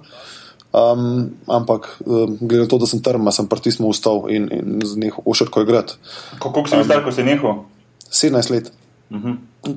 No, tako se pravi, jaz sem takrat že prej, ker sem bil v pionirski, oziroma kadeca, zmeraj igral tudi za starejše, na dve, tri leta starejše. Um, pač, fajn mi je šlo, super se sem imel, ampak zdaj spet moraš si predstavljati, da sem bil takrat. Uh, Tako velik karašal, v bistvu, približno neke iste višine so bila. On se je pol potegnil na 2, koliko ima 2, 14 ali koliko je. Ja, imaš zihar čez 212, 212, ja, vsaj ja. to. No, jaz sem stopil na 1,95 m in sem igral centra, zdaj si pa ti predstavljaj. Bil sem, bil sem težek, težki center, pri 1,95 m, se pravi, um, še danes sem tako velik, tako da po mojem, moja karijera. Um, ne vem, se veš, kaj, kako je tranzicija iz, iz, iz, um, iz centra na Beka, je verjetno ja, najhujše, kar si lahko človek predstavlja. Skoraj, skoraj, skoraj. Ne mogoče. Ne mogoče ja. Tako da, če trezno razmišljam, le glede na vse moje želje, bi bil verjeten poprečen igralec, ja, pol na zadnje. A pa še, še vršiš, da ne koš? Um, ja, grem, grem, sam grem metati na koš. Grem pa metati sam zato, ker v bistvu, kadarkoli s kolegi igram, ne, pa so vsi neki športniki, izmeram na silo špilajo, vsi so aktivci, oziroma, mislim, kako bi rekel, um, aktivni, no, vsaj tako, um, za, za, za jok, ampak še zmeraj se gre močen basket in si zmeraj angližen zvijem. Lej, absolutno si zmeraj angližen zvijem, ker imam preveč kil in še zmeraj mislim, da lahko ga kar zakucam in ne vem kaj in seveda tega ne morem. Ne, in potem In si, sem rekel, ne bom več igral in grem sam. Lepo si dam uh, slušalke, všesa, muzika, mečem na koš in uživam uh, v košarki na tak no, način. Ne. No, ta, ta, ta neka ljubezen do baske, da ni nikoli zginila. No. Mislim, ja, mislim, vse, zdaj, še zdaj spremljaš, gledaš. Ja, ja, ja no, gledam vse, vse tekme NBA, Evropsko košarko sem letos malo zanemaril, moram reči, glik zaradi. Uh, Zaradi NBA, ker sem spremljal vsaj 60 tekem Phoenix Suns, tako da mi Goran uh, ni dal spati, zdaj sem mišljen za njega prebedel um, dejansko. Um, um, Noč zbirам drese, košarkaške, um, zbiram superge, imam ogromno uh, redkih superg, več kot 200 parov redkih superg. Kaj to pomeni, um, redkih? Pod, pod, Ja, to pomeni, da imam original uh, podpis od Jordana Superga, recimo Jordan 11, da imam original podpisan dres lansko letni iz, uh, od Lebron, James, uh, Lebron Jamesa, ki je bil dvakrat MVP, zdaj ne, imam vse to in tudi certifikate za te stvari. Imam original podpisan dres od uh, Charles Barkley. Oh, od, uh, od, od, lej, imam teh dresov veliko. Zdaj sem bil dubo zančo iz. Uh, tega le, od Waldridgea iz uh, tehle, uh, Portlanda, sem dobil mm. res, uh, me ga je kolegica prenesla, ga je nafehtala, tako da boš tjan, ne, veš, kaj boš mogel narediti. Dres mi boš mogel podpisati. E, ni problema, tek se zmenimo, tek se zmenimo, le jaz si dan, dan podpisan, dres tega pa na enem koncertu nosiš, pa je. Tako, od Barcelone, od Barcelone dres, ko boš v Barci, ko boš v Barci. To, vidiš. Evo, to, daš gor. To, to, evo, cool. deal. Deal, evo, roka. Ja, um, mislim, ja, pač prkošak, no, pa seveda grem na tekme. Um, šel sem si pogledat parkrat letos tudi Olimpijo, grem zmeraj pogledat na Evropskem prvenstvu, sem itak bil, kot se le dal. Letos sem bil na treh tekmah NBA, šel sem pogledat Gorana, ki je igral proti uh, uh, prot LeBron Jamesu v Miamiju, bil sem na tekmi v Los Angeles Lakers, pripeljalni tekmi. Um, pa kje sem že bil? A ja, Orlando Magic sem šel, sem v Orlando šel pogledat. Pa, pač kjerkoli sem, v kjerem mestu, če tekma, grem karkoli, kdorkoli igra, grem sam na tekmo in gledam basket. A ti je, se ti vleče ta ameriška tekma, dolga ali v bistvu ti je kul, ker jih pač ne vidiš vsak dan, uživo mislim. A veš, ker je to kar. Ne, ja. Te tekme ameriške so tudi po tri ure dolge, ne se to. Ja, kar naenkrat je konc, ne vem, ne vem če me fora to. Tako recimo, ko gledam basket na, na, na, na, na televiziji, se mi zdi full dal, uživo je pa kar naenkrat, kva, še dve minuti do konca četrtine, kako je to možno, ne? Um, ja, ne, všeč mi je, enostavno uživam v tem, gledam rad in, in, in, in to je to. Letosno sezono pa spok se pravi, NBA letos, ne vem, za koga to gledam, ampak čisto vse te tekme. En, seveda, lik pes imam, seveda. Ne, ne, to, to, to verjamem. ne, ne, sem mislil tako, če, pač, če imaš kakšen favorit. Ali je tako, pa zdaj, ki ja, so Sansi, prej je bil Bok, je bil Houston, seveda. Panici, točno tako, tam je, lej, zelo simpel je. Um, Jaz sem ponosen v bistvu na vse slovence, ki jim je uspelo tujini, ki vem, kako je to težko, pa ne bodo to športniki. Zdaj sem sploh športniki, ki vem, koliko je treba enega truda v to, da tako da jasno. Moj tim je zdaj Phoenix Suns, um, ker ni bilo več uh, Gorana, je bil pa pač uh, um, Udrih. ja. um, pač podpiram slovence na vsakem koraku in uh, tudi recimo, ki je bil na zdaj, ki so zbirali za, za All-Star stekmo, sem tudi v bistvu šeril linke in prosto folk naj ne, ne, ne uh, glasuje za Gorana, ker vem, koliko je to težko, če si iz ene Slovenije in tam pač Phoenix ni veliko mesto, Slovenija ni velika država in je skoraj ne mogoče, ne, da se po teh votih uvrstiš, ne, ampak sem potem sem to šeril in mu dal podpor, logično. Ma to je to, da, to, to, to ima NBA malo zgrešeno, se mi zdi, to, čist, da v bistvu se, se po številu glasov. To bi lahko ja. biti en, en del, recimo. Ne? Tako bi je. mogli poštevati. Ampak jaz, jaz, jaz vem, recimo, ko sem igral z Javom Mingom v Houstonu, to sploh ni bilo šans, da on ne bi ja. prvi petorka ali stare, zato ker je Kitajci. 600, 600 gilijard Kitajcev glasovalo za njega, razumeš? Se ja, to, tega, smo, to, no, veš, in, jaz imam isti problem. Je, recimo, pri nas imamo tudi eno lestvico, top 100 DJ-jev, ki je ta revija in točno vem, kako je, če si slovenc. Jaz sem minum, to je, skozi, lej, to je res en velik problem. In sem si prvo predstavljal in sem gledal, recimo, ne vem, pač Parker do takrat, ko je igral um, do končnice, ni imel za moje pojme tako dobre sezone, kot kar uh, Goran, pa je bil vsem seveda izbran, zato ker je pač zvezda in je Goran izpadel, um, no, in se mi je zdelo to blazno. Nepošteno. No, pa ste še kakšni drugi igralci, bi še, še slabši od njega, pa so bili na All-Star tekmi. Ja, in to je, zato to je hočem dati podporno, če le možno. Slovencem v tujini. Nekako razumem to, to zgodbo in jo probujem soportati na vse možen način. Poje, že izvolite. Kaj imaš pa zdaj plane za prihodnost? Tako, um, kaj novega, kaj starega? Pa sej, lej, jaz, jaz, um, pač jaz ogromno muzike delam, jaz zdaj glih sem izdal, pač nov, jaz skoraj vsak mesec izdam nov single, tako da že samo tlele zdaj, ker sem na poti v, v Ameriki, bom sigurno naredil 3-4 nove komade na laptopih, na, na laptopu, ko bom letel, ko med avionih, ker se bojim letenja, v glavnem delam glasbo takrat in skozi delam stvari. In pred kratkim sem izdal svoj sample pack, se pravi, da te producenti po svetu lahko uporabljajo moje zvoke, ki sem jih prav ta namen sproduciral in naredil. Um, album končujem, oziroma je končan, zdaj samo še dogovarjamo z različnimi založbami. Tako da pri meni je veliko tega. No, skozi, tako da eni, ne vem, skozi en single izdaja, pokrok tega cel Jumbo zdela, jaz jih imam pa 12 na let, pa se mi zdi že tako čisto. Ja, no, pač nov single. Um, ja, sej hecam, sej čisto razumem, ampak pač uh, muzika je del mene, jaz jo delam skozi, ni to zdaj, wow, šel sem v studio, kako kdaj berem, kao, ja, zdaj grejo po, zdaj gre po on v studio, pa jaz, uh, ja, a ni skozi tam, dela skozi in mi je tako prav čuden pol. Um, pač, ja, skozi nekaj novega. Turneja, turneja zdaj, zdaj bil sem marca na turneji v Ameriki, zdaj sem na turneji, uh, poletje bom preživel v Evropi, pa vrem pa spet oktobra v Ameriko za dva meseca, um, pa se pa vrnem v Slovenijo oziroma Evropo za dva tedna, pa je pa že tako letno okrog. Tako to pri meni zgleda. Da, pa ne boš nič počel, to si hoče povedati. ne, pa zanimivo je, da si rekel, da, da si v bistvu na avionu pa parko mazno narediš. To mi je bilo čisto fascinantno. Ja, v bistvu, ja, sej. Vala. Grem zdaj leteti New, New York, ne vem, Pariz, vmezem pa imam dva komada zrihta. Ja, v bistvu se vse točno tako zgleda. Ne? V bistvu, ker, a veš, vse se danes dela lahko na kompjuterju. Edin, edin fora je to, da v bistvu vsi rabimo zvočnike, da lahko nekatere stvari slišimo. Jaz pa zdaj laptop, pa produkcija na, na, na samem avionu, mislim, to, to laufa pri meni zdaj že toliko, pa toliko let in sem se zvrzel in že res dobro slišim, lahko full teh stvari naredim na, na, na avionu. In, in dejansko ta čas porabam v glavnem za to, da, da, da delam glasbo, da ne vem, všeč mi je tako, navadil sem se. V avionu in pol te leti mi full hitro. Jaz sem jih hotel reči, to je odlično. ja, ti si tudi visok, če ne razumeš. Pač. tako je, tako je. Tako je.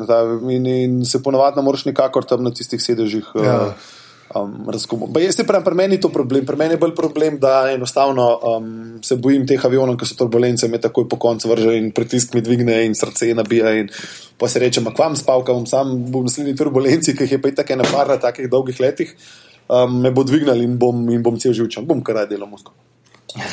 Pametno. Ja, v bistvu. Um, Škaj, škaj jim poveš, Uroš, si v Sloveniji, v poleti imaš v Sloveniji kaj koncerte planirane, mogoče ti zdaj poslušajo, da bi mogoče uh, lahko slišali, če boš kaj blizu. Imam, imam eno zelo dobro. Nastopo čez poletje, a ne recimo zdaj v naslednjih par mesecih. No? Tako je, imam vsako letni koncert uh, v Špil, um, žur z razlogom, zadnja sobota v Augustu.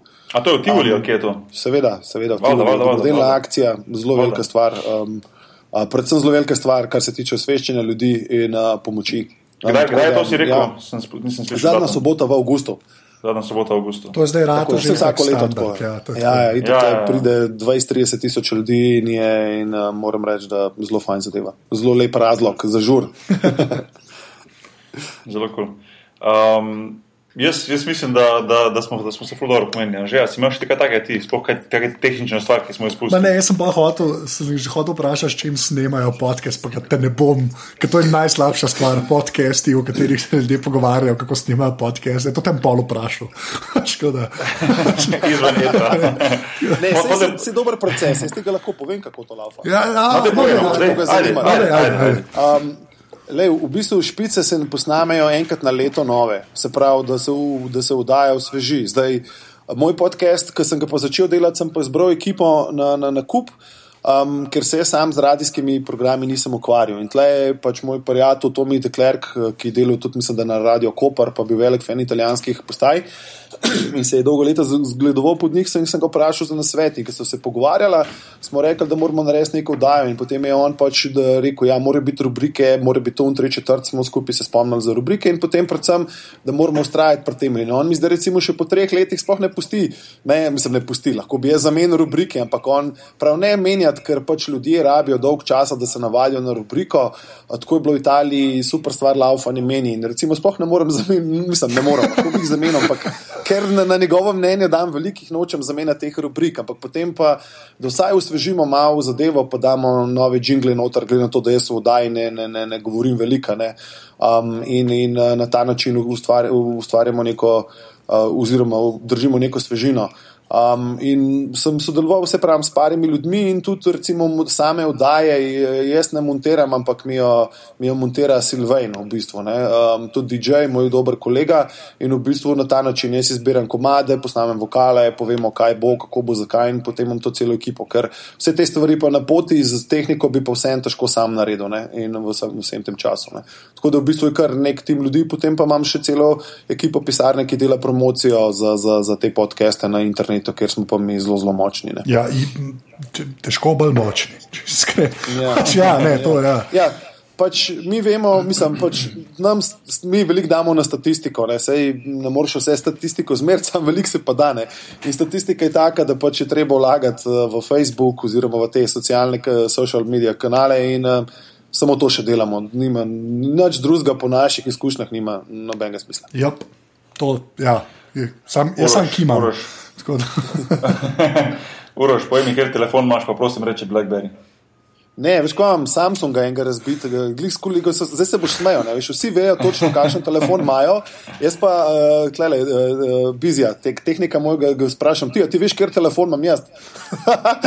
Zdaj, ker sem, ker sem kupoval polnilci in potem je rekel, poglej, od zadaj zihar na telefonu piše. Sem šel pogledat in ni pisal in potem sem ga preklopil in sem včeraj zvedel, da je Samsung 3. Odlično, S-trojko imaš na Androidu. Estro je Cool. In je, in je, in je čist je zdrajsan in eh, šipcama počeno in mi je čisto vse, ker mi je telefon absolutno um, nujno zlo in ga, in ga v bistvu sploh ne maram. In uh, mi gre na jetra, da sem kdaj ko sploh začel internet, eh, na internetu surfati čez telefon in uh, po internetu surfati čez telefon in mi, wow, in mi, mi gre na jetra, ker zdaj potem odvisen rataš od tega in Ful, ne maram ful. telefon. Ja, če, preveč, če, ja. če ne maraš tega, kup Blackberry, tam se da ful malo stvari početi. Pred, predvidevam, da me boš kar gledal. Ja. Ampak Ja, prav. ja, Imaš, ja, imaš. ja. On pa še dva na svetu. Tako tebi je to blazno na jetra, kako sta lahko lej, to je, ne, ne, lej, Jaz so že- jaz, za Samsung to je vse legit, ne. Sam Blackberry, to je pa zdaj že joke, zdaj so Ej. 20 podcastov že skoraj Pazi. Pa, pazi to, jaz imam uh, kolega, um, ki je v bistvu direktor firme, ne, pač, ker bi pričakoval, da bo imel ta najnovejše stvari. Ne, in on, ma, on si je kupil eno Nokijo, ki stara že 5 ali 6 let in jih je 10 kupil, da, da pač vsakič, ko zgubi ali pa gre baterija v maloro, da zamena. In noče nobenega božjega telefona imeti. Meni se zdi, Lej, iskreno se mi zdi, da je to res dobra stvar, ker, ker kaj, skozi smo na računalnikih in skozi gledamo, skozi smo na internetu preklopljeni zdaj še ta telefon. Se pravi, meni gre na jetra, ker nimam več časa drugega, kar razmišlja, kdo mi je na Facebooku um, po- poslal, kdo mi je poslal mail, kaj moram narediti, kaj moram gledati. In sem imel vsaj pred, ko bi rekel, vsaj na med potovanji sem imel a, pred tem hudičem, zlim, uh, sem imel merne, ampak zdaj, ker sem pa na internetu še na telefonu, pa ni miral nič več. Ja. Konc. Se pravi, zato Pravi, edina, edina pot je nazaj, da gremo na Nokijo. Kaj je na Nokija bila časih kot cigla? Nokia Ja, 3210. 32. Ja, moraš nek, nekaj tazga, ki ima ful grozen browser za, za internet. Ja, Blackberry, Ampak, pa se ampak če ga pravi, sploh Blackberry, nimaš, Ja, Blackberry je saj, ker ga nima, carski. no. Blackberry je carski.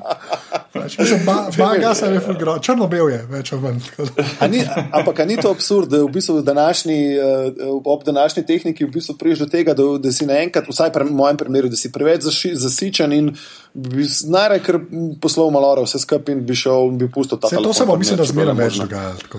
Jaz mislim, da Ja. Tega Ja. zmeraj več. Pa, pa samo odvisen, koliko imaš samo kontrole, po mojem, to je tudi dosti važno. veš. Ali si pa pa. Ma nimaš je, Ja, sej, človek je, ja, nimaš je ja. ker, si, ker, si, um, ker smo odvisni, mislim, oziroma jaz lahko zase rečem, ker sem odvisen od interneta. Še najbolj mi gre po netra to, v bistvu, ker komunikacija prez interne, pre, prek interneta med, med, me, zad- mi, mi, mi zadošča za kakršno koli socializacijo in mi gre to na jetra, v bistvu, da se potem z ljudmi več ne družiš tok, ker si pač z njimi pogovarjal pogovarjal pač po internetu in imaš ta feeling, da ful neko prijateljstvo gojiš prek tega. To je, to je in res, to se meni dogaja včasih, s kakim soigralcem čez dan uh, pogovarjam prek ne vem, WhatsAppa, pa če se zmenimo deset stvari, poprijemo pa na trening, pa sam živo živo. Ja, Pa vidiš, ne, če rečeš, Ne. pa pol Ja, tam bistvu- treninga, pa gremo domov, ampak v bistvu mi smo se vse zmenili, ampak iz oči v oči smo si- iz oči v oči smo si ti zdaj rekli, da sem zdrav. A veš, ga A mislim. ni, a ni to hecan, kako Ja, je ja, to ni, klinično nikoli, rata, ne? nikoli, nikoli, nikoli. In, um, in je taka, kako bi rekel, fake sreča. Ne? Ja, to je, ja, to je tega zmeraj več. Zato se pa ljudje na različne ra- načine borijo proti temu. No, ampak ja. najhujše pa to, da sem pol jaz tak hinavc, da bom pa zdaj šel pa takoj, ko sem nehal pogovarjati na Facebook, pogledal, kdo mi je napisal. Kolega je pa tlele sosedno sobo tukaj. Um, no, ja, res absurd, sem, Ja. sem na turneji in tako je. Sosedno sobo je po 5-6 dni in se ne vidi. On igra igrice, jaz delam glasbo, grem malo tlele laufati na fitness, pa to, in se ne. Prek, Sosedna soba, verjetno me zdaj le slišiš, pa se reži, kaj govorim. prek Facebooka se pa vse zmeta, če treba. Ja. Prek Facebooka so se Ja. ja. pa takoj zjutraj smo imeli uh, na njegov post, ker je nekdo vrtel nad njegovo glavo, ker se mu to zmeraj zgodi. Ma to srečo smo se uh, znašli na tem in so se pogovarjali sosedno sobo prek Facebooka in še slovenci so zdravi sodelovali. Ta. Vse je lušten, vse je lušten ta, ta možnost, vse opcije, ki ti to današnja tehnika daje, ne? ampak hkrati malo žalosten. Ne? Ja, ma, Ne, mal se je. strinjam. Mal je ja. Zato imaš pa Blackberry, pa to ne moreš početi. V glavnem. Uh, uh, ja, evo, ne vem, Boki. Ja, neč, Uroš, ful hvala, no, super, super, super pogovor. No. Um, Res, Hvala eh, vam, hvala vam. Ja, hvala. si sred- vse v turneji vzel, vzel, vzel to mož, mislim, ta cajt, da si se znal malo pogovoril, pa to, ta, ta podcast, oziroma to, kar mi dodelamo z Anžetom. ne- thanks, no. Uh, zanimivo. Uno, uno, pa, uno pa ne bom pozabil, zdaj, vluba dela dolg in, in res Barcelona dobiš, dobiš, eh, ga dam dal na stran, tako da če se kaj polet vidimo, pa karkoli ga po kanalih spravim do tebe. No. No, da je the best, ful bi bil vesel in jaz ga bom res v Barceloni um, gor dal. Prav pred špilom ga najmem in ko bom začel, ga bom gor vargal. Svaka čast. Svaka Znorel bodo všude. Sam ne smem ga prešvica, da nam šel, veš, tale veš. Tako enega random delama je, ki ga imam na sebi. Z Ne, ventilatorjem. bom, še, bom, še, bom šel enega fake kupiti, pa ga bom jaz podpisal. Ne, boš boš dal ta- boš dal ta dres gor, pa se bo začel folk direti. Uf, lejte ga, DJ Nacho. Nič načo, zakon, zakon. Mislim, da imamo eh, naslov epizode. Nič načo. DJ Nacho. Ja, je ful hvala. Uh, thanks, no. Uh, Anže, na koncu, kje se nas najde, eh, kje se lahko uh, posluša vse podcast aparatus? Ja, ja, tako kot sem prej rekel. Na, Oziroma, pa aparatus, pardon, podrobnosti in pa cela mreža aparatus. Ja, cela mreža Sorry. na aparatus.si, tam so tudi podrobnosti, se da naročiti prek RSS-ja oziroma iTunesov, kjer na vsake tok cajt tudi umeka vodimo, hvala lepa. Uh, v Sloveniji, pa se v Sloveniji še enkrat. Ajmo, ole, ole, ole, ole. Ovacije. Uh, ka, ja, pa A ja, hej, hej, Anže, neki novi, neki novi video imaš tudi, ne? Dej, da sam sebi maljamo skopljen, pa da njo padem. Eh, En nov, en nov Ja, video ne, imaš na pač naši strani. dal- Ja, če greste na aparatus.si, pač zdaj na prvi strani, drugač pa tam je zavihak naroči se, smo naredili video, te, kako točno se naročiti na podcaste, če se čak nekdo ne ve. In smo naredili tudi uh, Blackberry video, ki je epski. Ki je epski, ne več povedati. Naj, naj se folk eh, pogleda. Je epski. Najbolj smešen je, ta edini, ki dejansko nič ne pove, pa je najbolj gledan. Ampak ok. Uh, ja, tako da to, uh, drugač pa aparatus je tudi na Facebooku, uh, pa na Twitterju, pa če uh, imate šanso, greste lahko. Ja. Ej, ej, ko- ko- ko- koliko imaš pa fanov na Facebooku? Ne, ki se ne, grejo tle malo pomeriti. ne. Jaz sem te lahko. Ole, ole, ole. Ponudila se je Ja, sem, priložnost. se, ne, jaz sem tako, jaz sem ful vesel, ker imamo številke visoč, kar je za Slovenijo čudna cifra. Okay. Ampak ti nisi To pa- to pa jaz na dan. Na četrt milijona, že ne, koliko se že. Če, uh, 2 milijona A že 600. če, a ja, ti si že, ok, so se, no, glavno. Ja, več kot Ja, slovencev. to, to sem hotel reči. Pač, ja. uh, tako da, um, zdaj smo čist, ja, kva, ne vem. Zdaj si ga, zdaj si ga zaradiral. Ne, to sem ti vrnil. Sej moč, za sej moč. Uh, ja, to, ja, če imate šanso uh, na aparatus.si slash podpri, lahko podprete to, kar delamo. Tako da vsak evro pravi, gre pa z opremo, pa serverje, pa se ta stran. Tako da, ja, to. Ja. Um, ja, pa še enkrat um, hvala um, sponzorju daje um, Timeless Spa uh, oziroma sprostim.se. Tisti, ki vas zanima uh, sponzorstvo, tudi na e-mail se lahko pošljajo popraševanje. Anže, Ja, kar na anzejaf na aparatus.si. Dva pojasnava. Uh, hvala, pa hvala vse komentarje, kritike, karkoli prek Twitterja smo zanžetem dosegljiva, at anzet pa at bokenahvar. Ja. Smo na vezi. Uroš te pa hvala, pa lepo zdrav. Malenkost, hvala vam. thanks. Se slišimo. Ajde. Ciao, ciao. Haydi, haydi, ciao, ciao.